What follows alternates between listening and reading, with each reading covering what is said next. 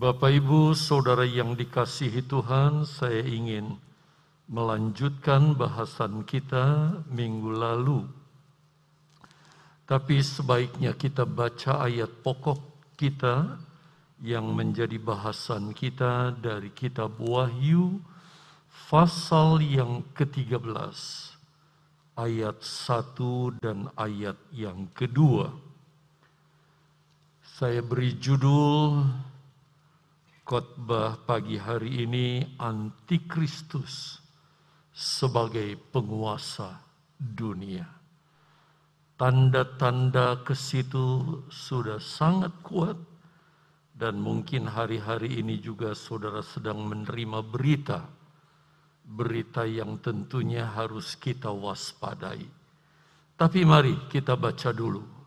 Ayat yang pertama berkata, Lalu aku, Yohanes, melihat seekor binatang keluar dari dalam laut. Nah, kalau di ayat ini disebut seekor binatang keluar dari dalam laut, ini adalah bahasa tipologi. Ada manusia, saudara, yang berkarakteristik binatang keluar dari dalam laut, laut berbicara tentang masa orang yang banyak. Dari sekian banyak kumpulan manusia di muka bumi, akan keluar satu orang yang berkarakteristik binatang. Selanjutnya digambarkan bertanduk sepuluh dan berkepala tujuh. Di lain kesempatan saya akan jelaskan ini di atas tanduk-tanduknya terdapat sepuluh mahkota dan pada kepalanya tertulis nama hujat. Penghujatan kepada Allah kita, Tuhan Yesus Kristus. Dan perhatikan ayat yang kedua. Binatang yang kulihat itu serupa dengan macan tutul dan kakinya seperti kaki beruang dan mulutnya seperti mulut singa. Nah, kalau profil orang yang diidentifikasi atau diidentikan dengan binatang ini, kalau dikatakan saudara orang itu serupa dengan macan tutul bukan berarti wajahnya kayak macan tutul. Mungkin orangnya handsome, ganteng, gagah. Tetapi selain ini berbicara tentang karakteristik, ini juga berbicara tentang kinerjanya. Binatang apa yang paling cepat larinya di muka bumi selain mata ma, selain macan tutul atau sejenis hyena ya yang larinya begitu rupa. Kita tahu bahwa dunia sekarang dengan segala kecanggihannya terus ditemukan berbagai-bagai hal yang baru. Ketahui saudara, itu semua nanti akan dikuasai oleh antikris. Sehingga dia punya kerja begitu cepat luar biasa. Dan kakinya seperti kaki beruang. Seekor binatang kalau dia sudah menapak tidak bergeming lagi. Kalau dia menangkap sesuatu dengan tangannya, tidak akan mungkin lolos lagi. Kami pergi, saudara, di San Francisco, eh sorry, betul. Lalu melihat bagaimana ketika ikan-ikan salmon itu, saudara, dia mau bertelur, dia ke hulu. Jadi walaupun air curam seperti apa, dia berusaha daki di sana sudah ada beruang-beruang. Kalau dia tangkap itu salmon, nggak mungkin lolos. Langsung dia telan dengan mulutnya. Begitulah si penguasa dunia ini. Tidak ada pemimpin negara, tidak ada bangsa yang tidak akan takluk dan tunduk kalau dia sudah kuasai semuanya akan manut kepada dia. Dan mulutnya seperti singa. Provokasinya. Kalau orang sudah dihasut, sebuah pemimpin negara dihasut, dia akan tunduk dan takluk. Tetapi perhatikan kalimat selanjutnya. Dan naga itu, siapa naga? Iblis. Kalau saudara compare dengan pasal yang ke-12, seekor binatang yang adalah naga itu berbicara tentang iblis. Memberikan apa? Memberikan kepada binatang si antikris itu. Apanya? Kekuatannya, tahtanya atau kedudukannya, dan kekuasaannya yang besar. Itu sekilas tentang profil antikris si penguasa dunia yang tidak bisa tidak pasti akan digenapi karena tidak ada satu firman Allah yang tidak akan digenapi semua pasti digenapi jadi kalau saudara perhatikan khotbah dua minggu lalu setelah kita pelajari tentang padang gurun satu tempat di mana kita dipelihara oleh Yesus sebagai mempelai pria. Dia adalah kekasih jiwa kita. Dia akan memelihara kita begitu rupa. Jangan berpikir padang gurun itu tempat yang tandus. Tempat yang keren, identik dengan Taman Eden. Tetapi sekarang kita akan pelajari tentang antikristus yang juga disebut sebagai manusia durhaka. Kalau gelarnya manusia durhaka, dulu dia mengabdi kepada Allah. Dia taat kepada Allah. Dia setia bahkan melayani Allah. Tetapi kemudian dia berbalik menjadi pelawan Allah. Itulah si antikris itu. Itu sebabnya sedikit kita akan pelajari siapakah dan seperti apakah latar belakang antikristus itu.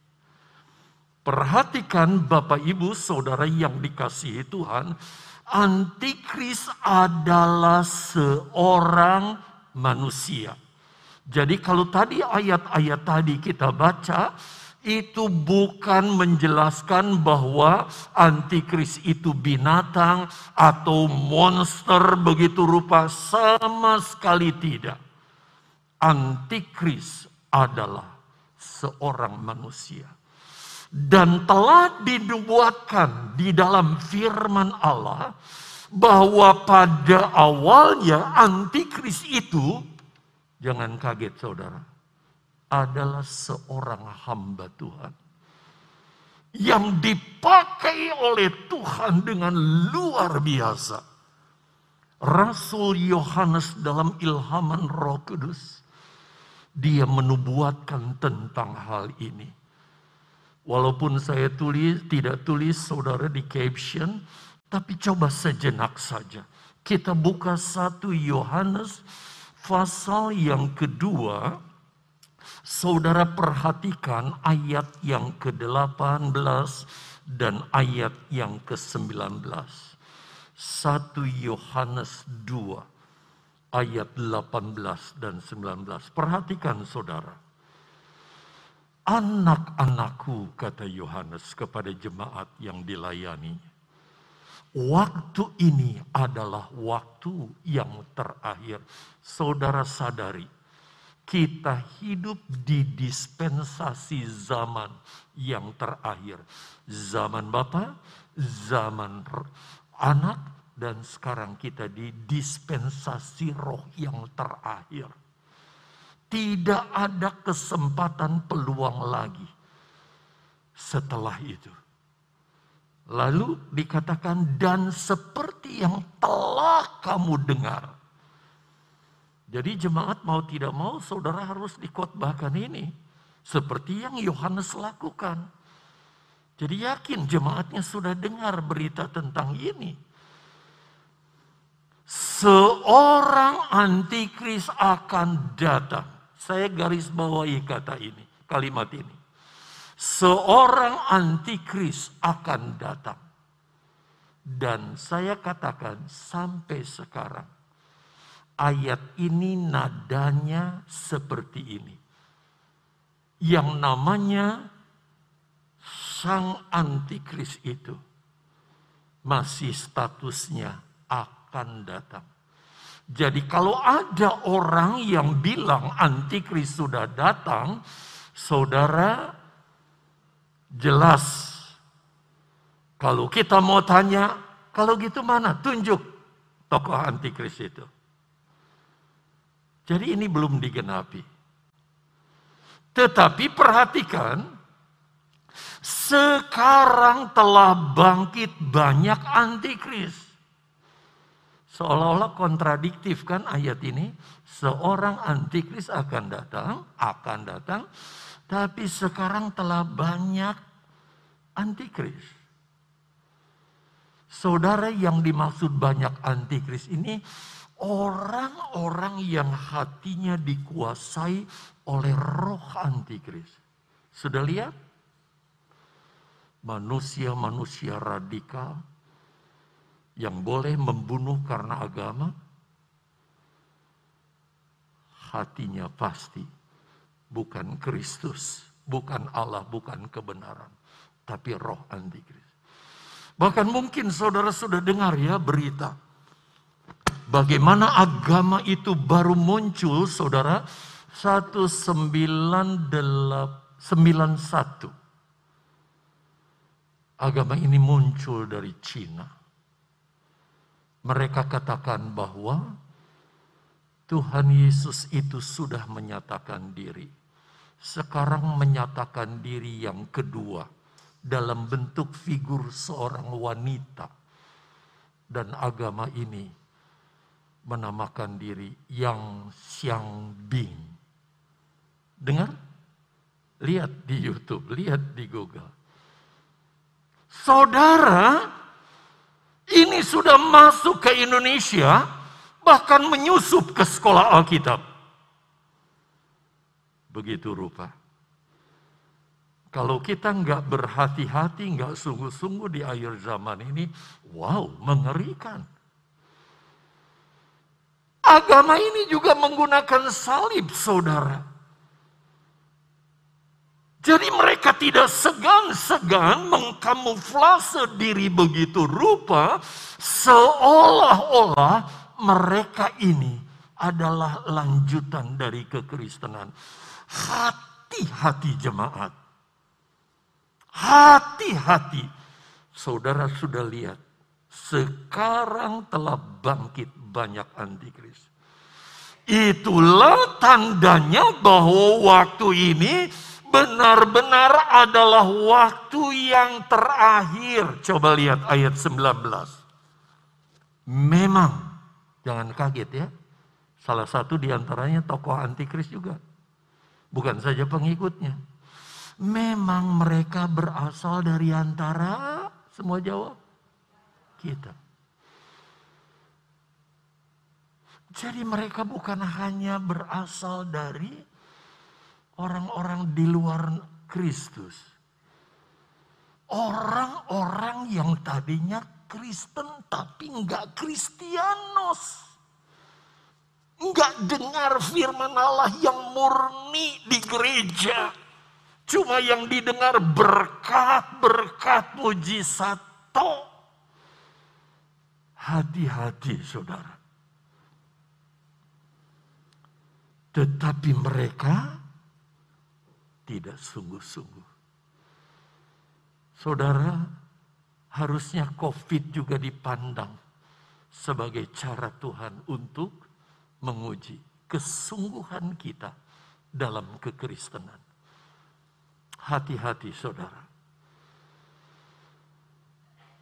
Sebab jika mereka sungguh-sungguh termasuk pada kita, niscaya mereka tetap bersama-sama dengan kita. Tetapi hal itu terjadi supaya menjadi nyata bahwa tidak semua mereka sungguh-sungguh termasuk kita. Saudara, betapa pentingnya keberadaan kita di gereja. Bukan sekedar formalitas saya orang Kristen, ya tunjuk wajah ke gereja. Inilah saatnya kita harus lebih sungguh-sungguh lagi dalam pengiringan kita kepada Tuhan. Jadi tokoh antikris itu saudara, dia bukan simpatisan, dia seorang hamba Tuhan yang luar biasa. Nanti kita lanjut, kita lihat saudara. Dalam hal ini, saya ingin memberi catatan kepada saudara agar saudara semua ketahui bahwa setiap orang yang percaya kepada Yesus, termasuk saudara dan saya, kita semua adalah orang-orang yang dipanggil, dipilih untuk maksud dan tujuan Tuhan yang, aduh, luar biasa, saudara. Saudara jadi Kristen itu bukan kebetulan. Ada tujuan panggilan dan pilihan Tuhan atas saudara dan saya. Itu sebabnya kita harus tanggapi ini dengan sungguh-sungguh. Kalau tidak, seperti tadi, antikris dan pengikutnya. Karena tidak sungguh-sungguh bersama-sama dengan kita akhirnya fatal. Saya tidak baca ayat ini untuk menyingkat waktu karena materi yang harus saya sampaikan. Itu sebabnya Bapak Ibu Saudara yang dikasihi Tuhan, sebagai orang yang telah dipanggil dan dipilih Allah. Antikris awalnya adalah hamba Tuhan yang dipakai Tuhan dengan luar biasa Hal ini bisa kita baca. Yuk, ayat ini kita bedah ya sedikit ya. Wahyu 8 ayat 10. Nanti kita akan juga baca di ayat yang ke-11. Boleh ditampilkan ayatnya? Dikatakan lalu malaikat yang ketiga meniup sangkakalanya dan apa? Jemaat, saya suka mengajak berinteraksi supaya saudara taruh perhatian begitu. Apalagi ayatnya ditayangkan. Jatuhlah dari langit sebuah bintang besar menyala-nyala seperti obor dan ia menimpa sepertiga dari sungai-sungai dan mata-mata air. Saudara, awalnya antikris ini digambarkan seperti sebuah bintang yang bukan bintang yang sekedar kelap-kelip di langit yang tinggi. Bintang yang hebat, nyalanya nggak nanggung-nanggung saudara, seperti nyalanya sebuah obor. Saya nggak pernah tuh lihat bagaimana bintang menyala seperti obor begitu.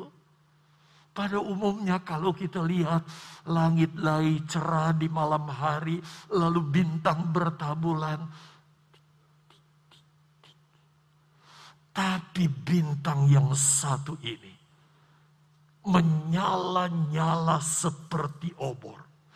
Jadi dampak pelayanannya begitu memberkati saudara semua menikmati terang yang dipancarkannya sebagai satu pelayanan yang memberkati begitu rupa menjadi terang Allah. Tetapi kalau saudara lihat di kalimat awal dari ayat tadi dikatakan bintang itu jatuh. Bintang itu jatuh sebuah gambaran antikris yang pada awalnya begitu hebat. Seorang hamba Tuhan yang dipakai oleh Tuhan. Seorang hamba Tuhan yang menjadi berkat luar biasa kepada banyak orang. Seperti peran bintang yang begitu besar. Bayangkan para pelayan di laut saudara hanya dengan melihat bintang. Oh, bintang jenis ini arahnya berarti di sana. Lalu mereka dapat petunjuk tuntunan karena cahaya bintang ini. Apalagi ini seperti obor saudara. Luar biasa memberkati. Tetapi sekali lagi sangat disayangkan. Karena dia tidak sungguh-sungguh dia tidak setia kepada Tuhan. Jemaat Mahanai, mari kita lebih sungguh-sungguh, lebih setia lagi kepada Tuhan. Sangat disayangkan bintang ini. Kasih karunia Tuhan. Talenta yang Tuhan berikan. Bakat yang Tuhan taruh dalam dirinya kuasa yang Tuhan taruh di dalam dirinya, mujizat-mujizat Allah begitu rupa yang diberikan kepadanya telah disalahgunakan begitu rupa. Sehingga bintang itu jatuh dan dibuang. Lalu pengaruhnya bukan lagi positif, tapi negatif sebagai bentuk perlawanan kepada Allah. Coba kita lihat ke ayat yang ke-11. Tadi kan saudara lihat pasal 8 ayat 10. Sekarang lanjutannya ayat 11. Nama binat, nama bintang itu ialah absentus, pahit. Dan sepertiga dari semua air menjadi absintus pahit. Dan banyak orang semua jawab mati, bukan hidup. Karena air itu sebab sudah menjadi pahit. Bapak, ibu, saudara yang dikasihi Tuhan, sangat disayangkan berkat-berkat Allah yang luar biasa dalam dirinya berubah begitu rupa. Sebenarnya itu karena ketidaksetiaan diri. Karena ketidaksungguh-sungguhan. Karena tidak menjaga kesucian hidup saudara. Dia didisiplin Allah, dicopot dari posisinya. Tapi kemudian menjadi pelawan. Itu sebabnya gelarnya antikristus. Anti kepada Kristus. Pelawan kepada Kristus. Lalu ketika dia jatuh. Dia tidak mau jatuh begitu saja dia pengaruhi saudara. Siapa? Pengikut Yesus. Untuk muncul roh kepahitan di dalam hatinya. Dan ikut menjadi pelawan Yesus. Perhatikan saudara, kalau saudara membaca ayat 11 tadi, dikatakan bintang itu jatuh ke sungai dan mata-mata air, Saya ingin tanya kepada siapa? Apa yang dimaksud dengan sungai-sungai dan mata-mata air di sini? Tolong ayatnya bisa ditampilkan. Yohanes 7 ayat 38. Yohanes pasal 7 ayat 38. Supaya saudara tahu siapa yang dimaksud dengan air dan mata-mata air itu. Sungai dan mata-mata air itu. Supaya kita berhati-hati ya. Barang siapa percaya kepadaku, kepada Yesus, yaitu kita orang Kristen, seperti yang dikatakan oleh kitab suci, oleh firman Allah yang ada di tangan saudara, dari dalam hatinya akan mengalir aliran-aliran air hidup. Jadi sungai-sungai dan mata-mata air itu ini semua yang di hadapan saya, termasuk saya. Setelah kita terima Yesus, dia bekerja di hati kita. Kita seperti aliran-aliran mata air yang menyegarkan, yang menghidupkan, yang memberi kepuasan. Itu seharusnya pelayanan setiap anak Tuhan. Bukan mengutuk dan sebagainya, tapi memberkati. Tetapi saudara kita lihat, oleh kemarahan antikristus ini, dia mencemari anak-anak Tuhan dengan pengaruhnya. Lewat sinode-sinode, lewat siapa pun yang bisa jadi sarana menimbulkan kebencian, pahit hati, dan menjadi pahlawan Yesus. Nah, orang-orang yang seperti itu adalah orang yang gampang dihasut, gampang dibodohi karena kekurang pengenalannya akan firman Allah. Jadilah anak Tuhan yang sungguh-sungguh. Mengerti kebenaran firman Allah. Supaya jangan gampang kita dicemari oleh ajaran apa pun seperti yang sekarang ini. Saudara dengan cepat agama Tuhan yang Maha Kuasa ini, yang siang bin ini, saudara, begitu merebak. Bayangkan, menyusup ke sekolah Alkitab, saudara. Di sekolah Alkitab dia mulai pengaruhi. Wah langsung aja kita depak dari sekolah Alkitab orang kayak begini. Dia juga bisa datang ke rumah-rumah, ke jemaat-jemaat. Dan kalau saudara tidak kuat di dalam iman, tidak mengerti kebenaran firman Allah, dengan gampang kita ikut terpahiti oleh pengaruh mereka dan membenci. Membenci pelayanan, membenci pekerjaan Tuhan. Itu sebabnya saudara kita selalu diingatkan. Hati-hati dengan akar pahit. Kalau memang belum tahu permasalahannya saudara, jangan langsung beropini Tanyakan duduk persoalannya. Ini dengar dari orang, langsung saudara benci, benci, sentimen, gak suka. Aduh paling bahaya ini saudara. Ini roh antikris kayak begini. Hati-hati jemaat. Saya menyampaikan ini Bukan karena ada sesuatu, sama sekali tidak.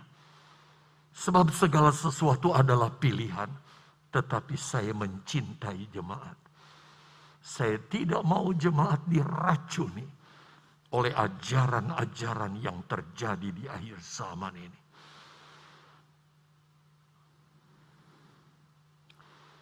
Lebih jahat lagi saudara. Antikris karena kecewa dibuang oleh Yesus sebagai disiplin. Tapi dia malah datang kepada iblis. Dia menyerahkan dirinya kepada iblis. Ini mengerikan. Sehingga dia nanti akan dipakai menjadi alat iblis yang sungguh mengerikan. Yuk kita perhatikan saudara. Wahyu pasal 13 sekarang. Secara khusus saya angkat dua tapi atau diangkat saja seluruh ayatnya ditampilkan supaya jemaat juga lihat. Tapi saya nanti akan bidik satu kalimat ya di ayat ini. Bagaimana bentuk sakit hati antikris. Di, di mana antikris memberi hidupnya kepada iblis untuk menjadi alat iblis. Tadinya alat Yesus. Tetapi kemudian dia mengalihkan penyerahan dirinya justru kepada iblis. Sebagai rasa anti kepada Allah, kepada Yesus. Yuk, saudara lihat kembali pasal 13 ayat yang kedua. Binatang yang kulihat itu serupa dengan macan tutul dan kakinya seperti kaki beruang dan mulutnya seperti mulut singa. Dan naga itu, perhatikan, iblis, naga itu. Memberikan kepadanya, memberikan kepada antikris. Yang disebut sebagai binatang yang keluar dari dalam laut itu. Apanya? Kekuatannya, tahtanya, kedudukannya, dan kuasa.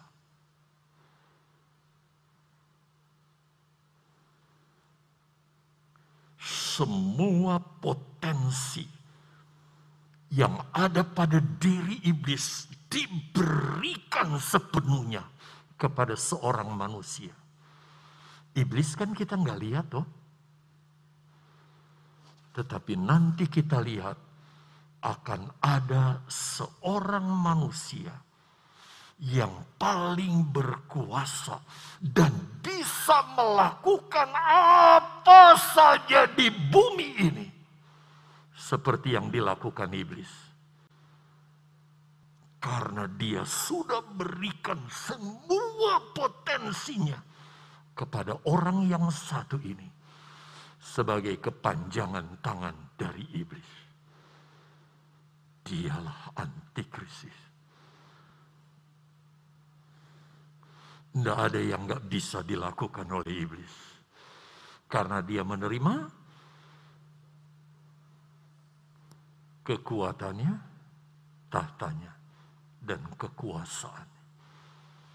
Itu sebabnya saya ingin memberikan kepada saudara satu contoh seperti apa sih kekuatannya, kekuasaannya setelah dia terima kuasa dari uh, iblis itu. Poin yang pertama. Bayangkan antikris manusia, saudara ya. Sekali lagi kalau bicara antikris itu manusia dia punya kuasa bisa membuka pintu jurang maut.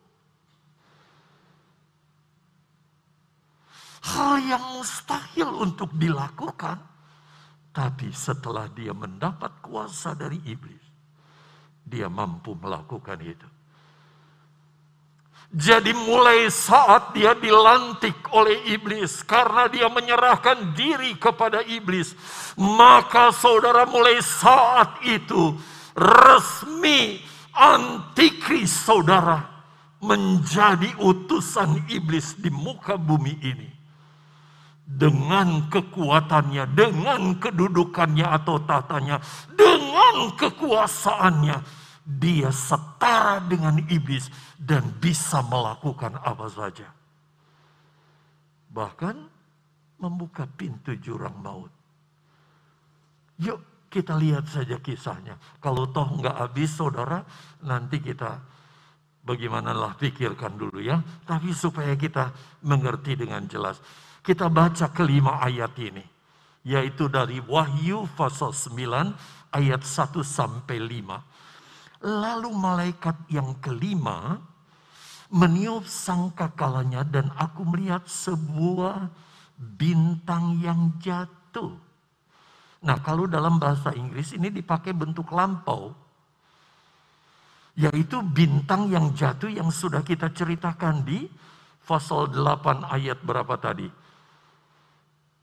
Ketika sangkakala ketiga ditiup. Itu sebabnya dipakai kalau dalam bahasa Inggris dipakai istilah fallen star. Jadi bintang yang sudah jatuh, telah jatuh. Dialah si antikris itu. Dan aku melihat sebuah bintang yang jatuh dari langit ke atas bumi. Dan kepadanya diberikan apa saudara? Anak kunci lubang jurang maut.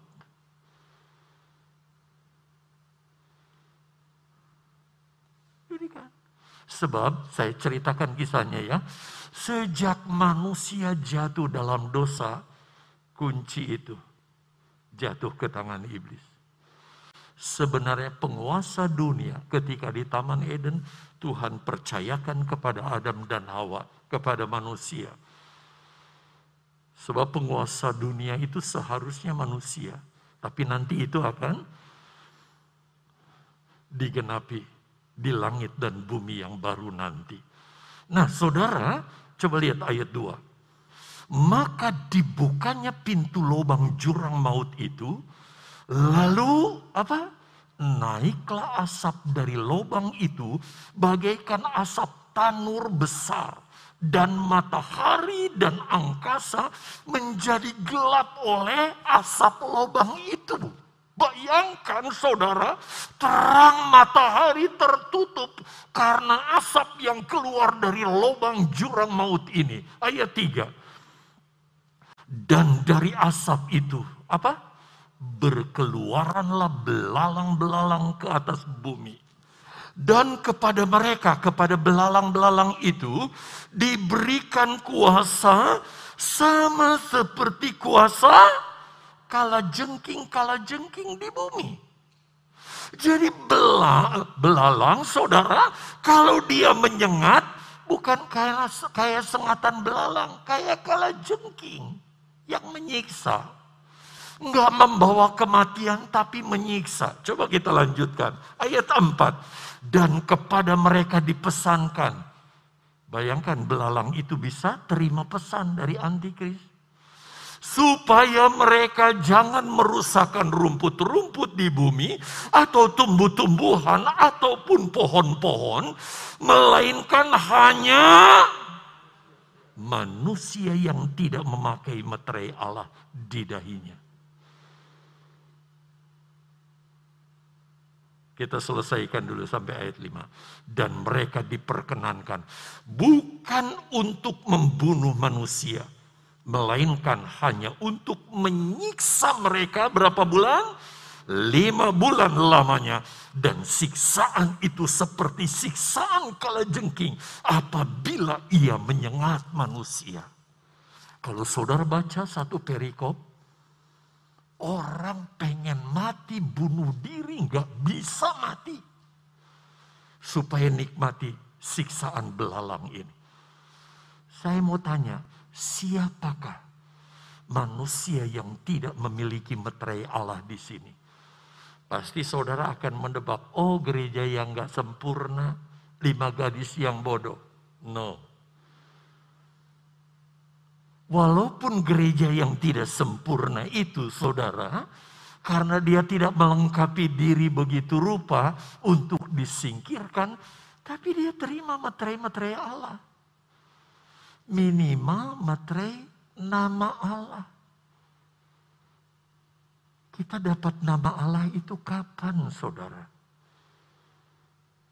Sakramen materai, penerapan materai Allah itu diberikan saat kita dibaptis.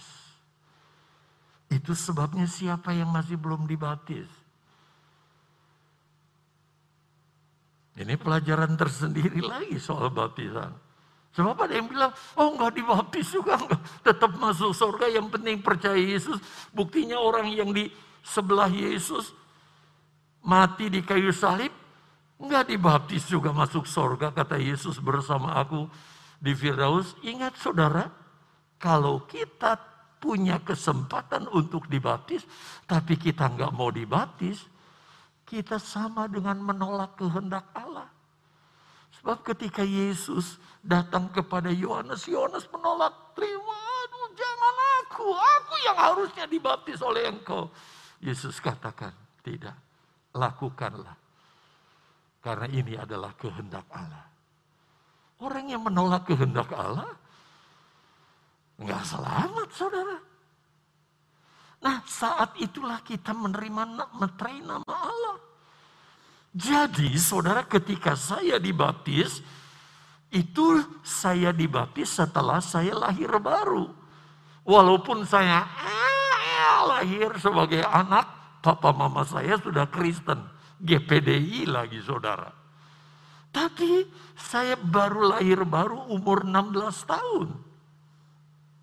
Kalau sebelum 16 tahun saya dipanggil Tuhan, mungkin saya nggak masuk sorga saudara. Lalu saya ambil keputusan. Kenapa? Sebab saya sudah lahir.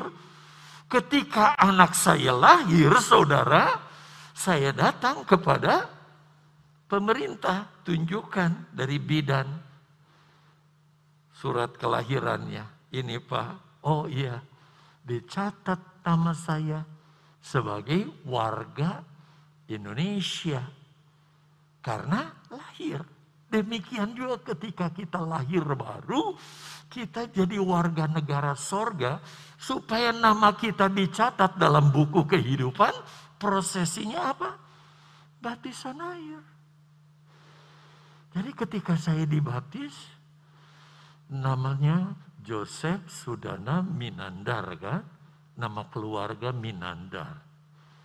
Tapi saya dibaptis ke dalam nama keluarga sorga. Jadi nama saya sekarang panjang banget saudara. Joseph Sudana Minandar itu warga negara dunia. Nanti di batu nisan ditulis nama itu. Tetapi sebagai warga negara Allah, nama saya Tuhan, nama keluarga surga Yesus Kristus. Pendeta Gideon Santoso juga, Gideon Santoso, toh itu. Ketika dibaptis, Gideon Santoso, Tuhan Yesus Kristus, fam saya dengan dia sama. Sehnya, marganya. Dengan Yosef juga sama. Dengan yang lain juga sama. Jadi kita lihat di situ saudara. Bagaimana keadaannya. Saudara yang dikasihi oleh Tuhan. Antikris. Dia bisa buka jurang maut. Karena dia mendapat kekuasaan, kekuatan, dan kedudukan dari iblis. Dan dia akan menjadi penguasa dunia selama tiga setengah tahun. Coba kita lihat poin yang kedua. Ketika dia berkuasa, dan sudah mendapat kuasa itu, maka dia akan memaksa semua manusia yang ada pada saat itu untuk menyembah kepada iblis dan kepada dirinya, kepada antikris. Coba lihat ayat yang keempat. Ia menyesatkan mereka yang diam di bumi dengan tanda-tanda yang telah diberikan kepadanya untuk dilakukannya di depan mata binatang itu. Saudara, jangan kaget kalau antikris bisa lakukan tanda-tanda. Jadi kalau kekristenan kita cuma mengandalkan mujizat, kesembuhan, berkat, kita bisa terkecoh. Kita gampang terkecoh. Sebab antikris bisa melakukan berbagai-bagai tanda, apalagi dia punya asisten yang namanya nabi palsu. Orang mati pun dia bisa sembuhkan. Saudara, kalau kekristenan kita cuma mengandalkan mujizat, kita akan, uh, uh, uh, iya, iya, kita ke sana ikut aja. Kristianos itu saudara bukan berjalan di atas mujizat, tapi di atas kebenaran firman Allah. Itu kekristenan. Kalau toh Tuhan gak izinkan mujizat, kita akan berkata, sekali Yesus tetap Yesus. Itu kekristenan.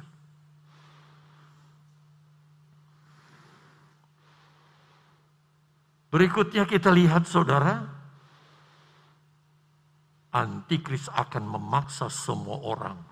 Dan mereka menyembah binatang itu sambil berkata, perhatikan, siapakah yang sama seperti binatang ini? Dan siapakah yang dapat berperang melawan dia? Semua masyarakat. Nanti kita tidak tahu teknisnya seperti apa.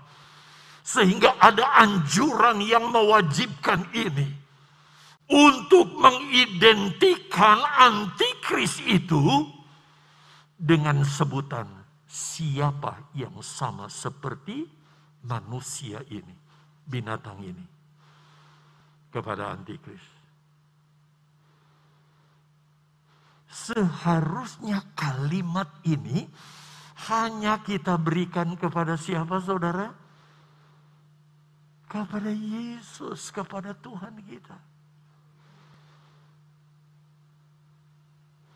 Tidak ada yang sebanding dengan engkau Yesus. Siapakah yang sama seperti engkau? Hanya kita berikan kepada Yesus.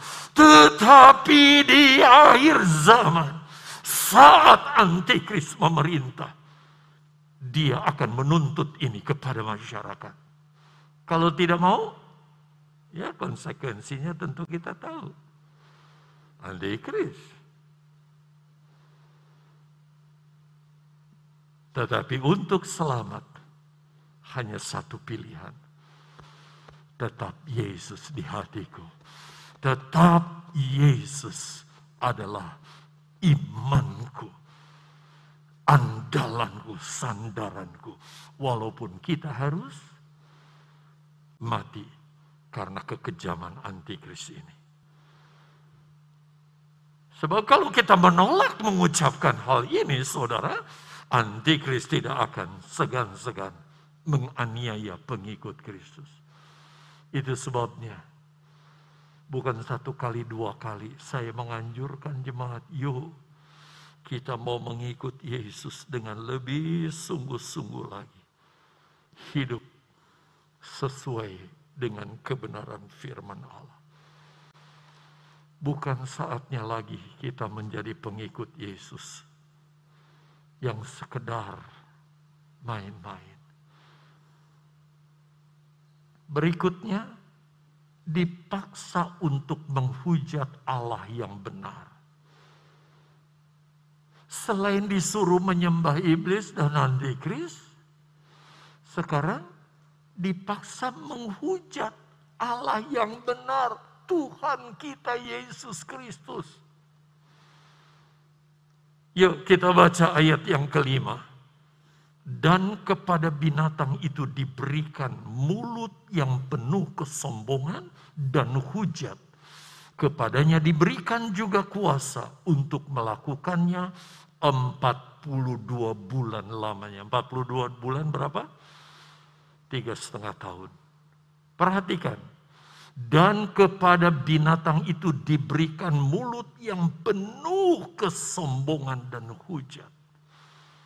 Saudara, nanti dia akan menjadi ukuran di mana orang melakukan penghujatan.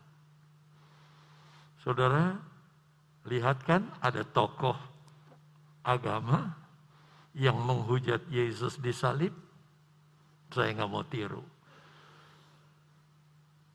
Kalau enggak nanti terekspos kan bahaya. Menghina-hina salib Kristus begitu rupa. Itu baru tanda kecil saudara. Tapi nanti akan ke sana.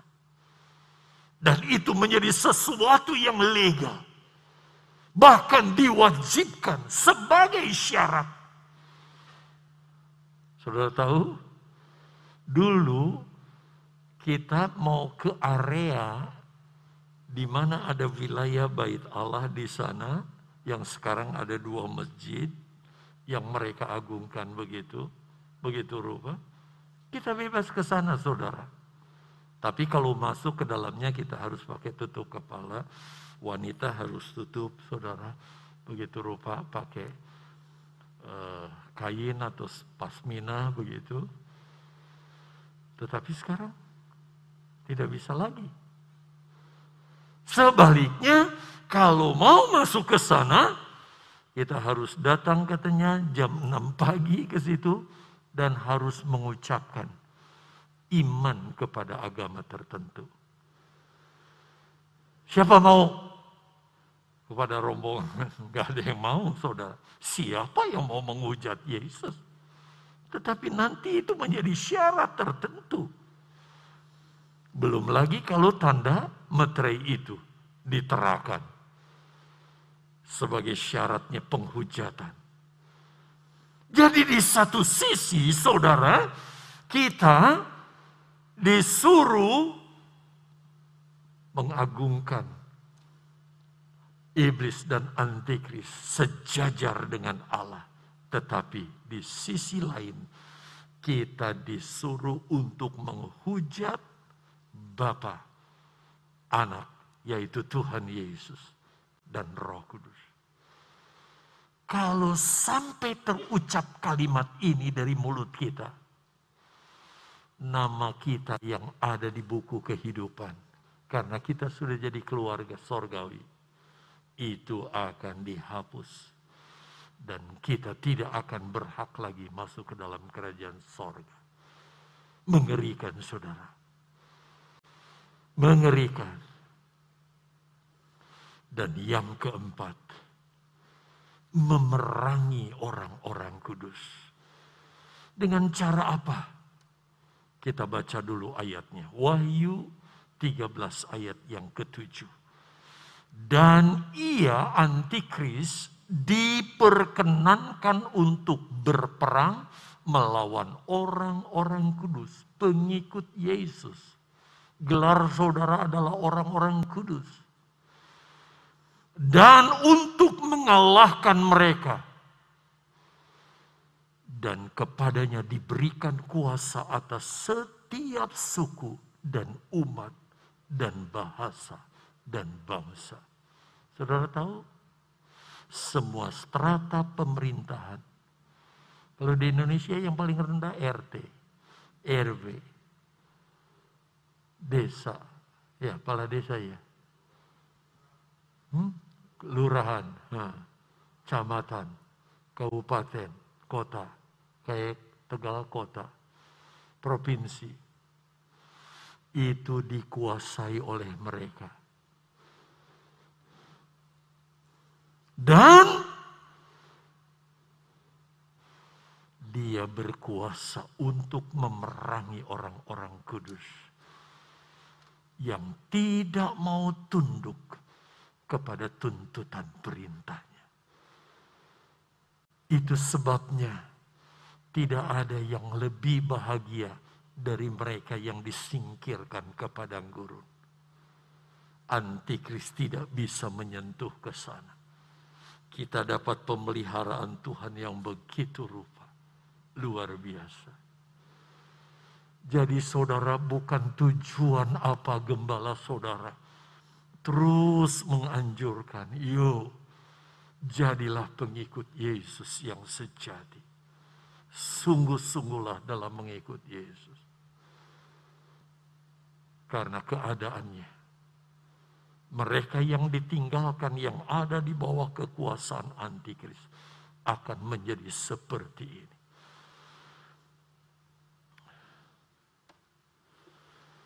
Dengan cara apa? Diperangi? Tidak bisa bertransaksi. Yuk baca ayat ini, ini menarik kan? Jadi tren dan ia menyebabkan sehingga kepada semua orang kecil atau besar. Kecil bukan bukan fisiknya ya. Tinggi atau rendahnya. Kaya atau miskin. Merdeka atau hamba. Diberi tanda pada tangan kanannya dan pada dahinya. 17 dan tidak seorang pun yang dapat membeli atau menjual selain daripada mereka yang memakai tanda itu, yaitu nama binatang itu atau bilangan namanya. Saudara, sadar atau tidak sadar, saudara adalah pengguna chips. Iya kan? Bahkan sekarang sudah ketambahan chips. Cuma chips itu adanya di mana? Di HP saudara. Peduli lindungi.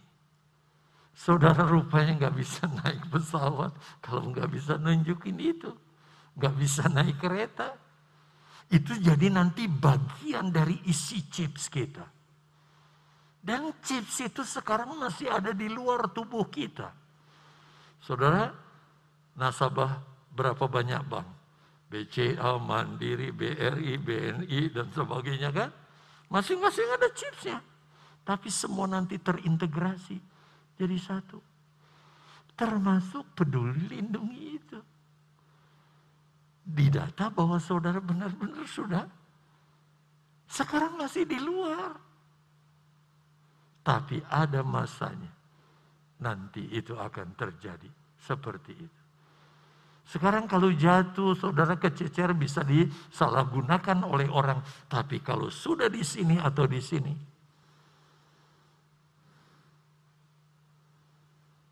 betul-betul kita sedang arah ke sana. Penyiksaan fisik. Matius 24. Ayat yang ke 21. Sebab pada masa itu akan terjadi siksaan yang dahsyat seperti yang dunia yang belum pernah terjadi sejak awal dunia sampai sekarang dan yang tidak akan terjadi lagi. Kekejaman antikris melawan pengikut Yesus sebagai rasa kemarahannya kepada Yesus. Perlawanannya. Dia siksa para pengikut Yesus. Dan kalau kita menyerah saudara, nama kita terhapus dari buku kehidupan. Kenapa gembala menekankan, yuk moto kita, sekali Yesus tetap Yesus. Supaya itu benar-benar terpratri dalam jiwa kita. Untuk Yesus, apa pun kita bersedia daripada membuang dia dan binasa selama-lamanya. Tetapi saudara, hati-hati dengan ajaran yang salah ya. Orang yang nakut-nakuti. Nanti kalau antikris memerintah, dia akan siksa begitu rupa sampai kita kayak Muhammad KC. Lalu mati, dihidupkan oleh nabi palsu, disiksa lagi. Nggak akan ada yang taat. Tetapi apa kata firman Allah? Yuk. Allah mengerti kekuatan manusia yang sangat terbatas. Kita punya rasa takut, kita punya rasa ngeri. Allah tahu itu. Sebab itu Allah akan tunjukkan belas kasihannya kepada orang-orang percaya yang tinggal di masa itu. Seperti lima gadis yang bodoh. Yaitu orang-orang percaya yang tidak turut disingkirkan, yang berhadapan nanti dengan antikris. Tuhan akan berbelas kasihan. Bagaimana cara belas kasihan Allah? Perhatikan ayat ini. dan sekiranya waktunya tidak dipersingkat, maka dari segala yang hidup tidak akan ada yang selamat. Kalau Yesus nggak berbelas kasihan kepada gereja yang ketinggalan, maka gereja yang ketinggalan ini menurut ayat ini tidak akan ada yang selamat. Karena kejamnya dan mengerikannya siksa antikris itu. Akan tetapi oleh karena orang-orang pilihan. Apa katanya? Waktu itu akan dipersingkat. Apa yang dimaksud waktu itu akan dipersingkat? Saudara, bukan artinya tiga setengah tahun nanti jadi tiga bulan setengah atau tiga minggu setengah dipersingkat. Bukan. Usia hidup kita akan dipersingkat. Sebab kalau tidak, tidak akan ada yang tahan. Itu sebabnya Bapak Pendeta Ahmad mengajarkan dimungkinkan di awal pemerintahan antikris orang-orang Kristen yang ketinggalan akan dihabisi oleh antikris dan selesai hidup mereka. Tetapi nama mereka tertulis dalam buku kehidupan. Mereka akan berdiri di hadapan tahta Allah dengan sukacita karena kemenangan yang Tuhan berikan kepada dia. Itu sebabnya saudara yang dikasihi Tuhan, satu kuncinya, tetap kuat dan setia di dalam dia. Jangan sampai kita goyah sedikit pun apa pun yang terjadi.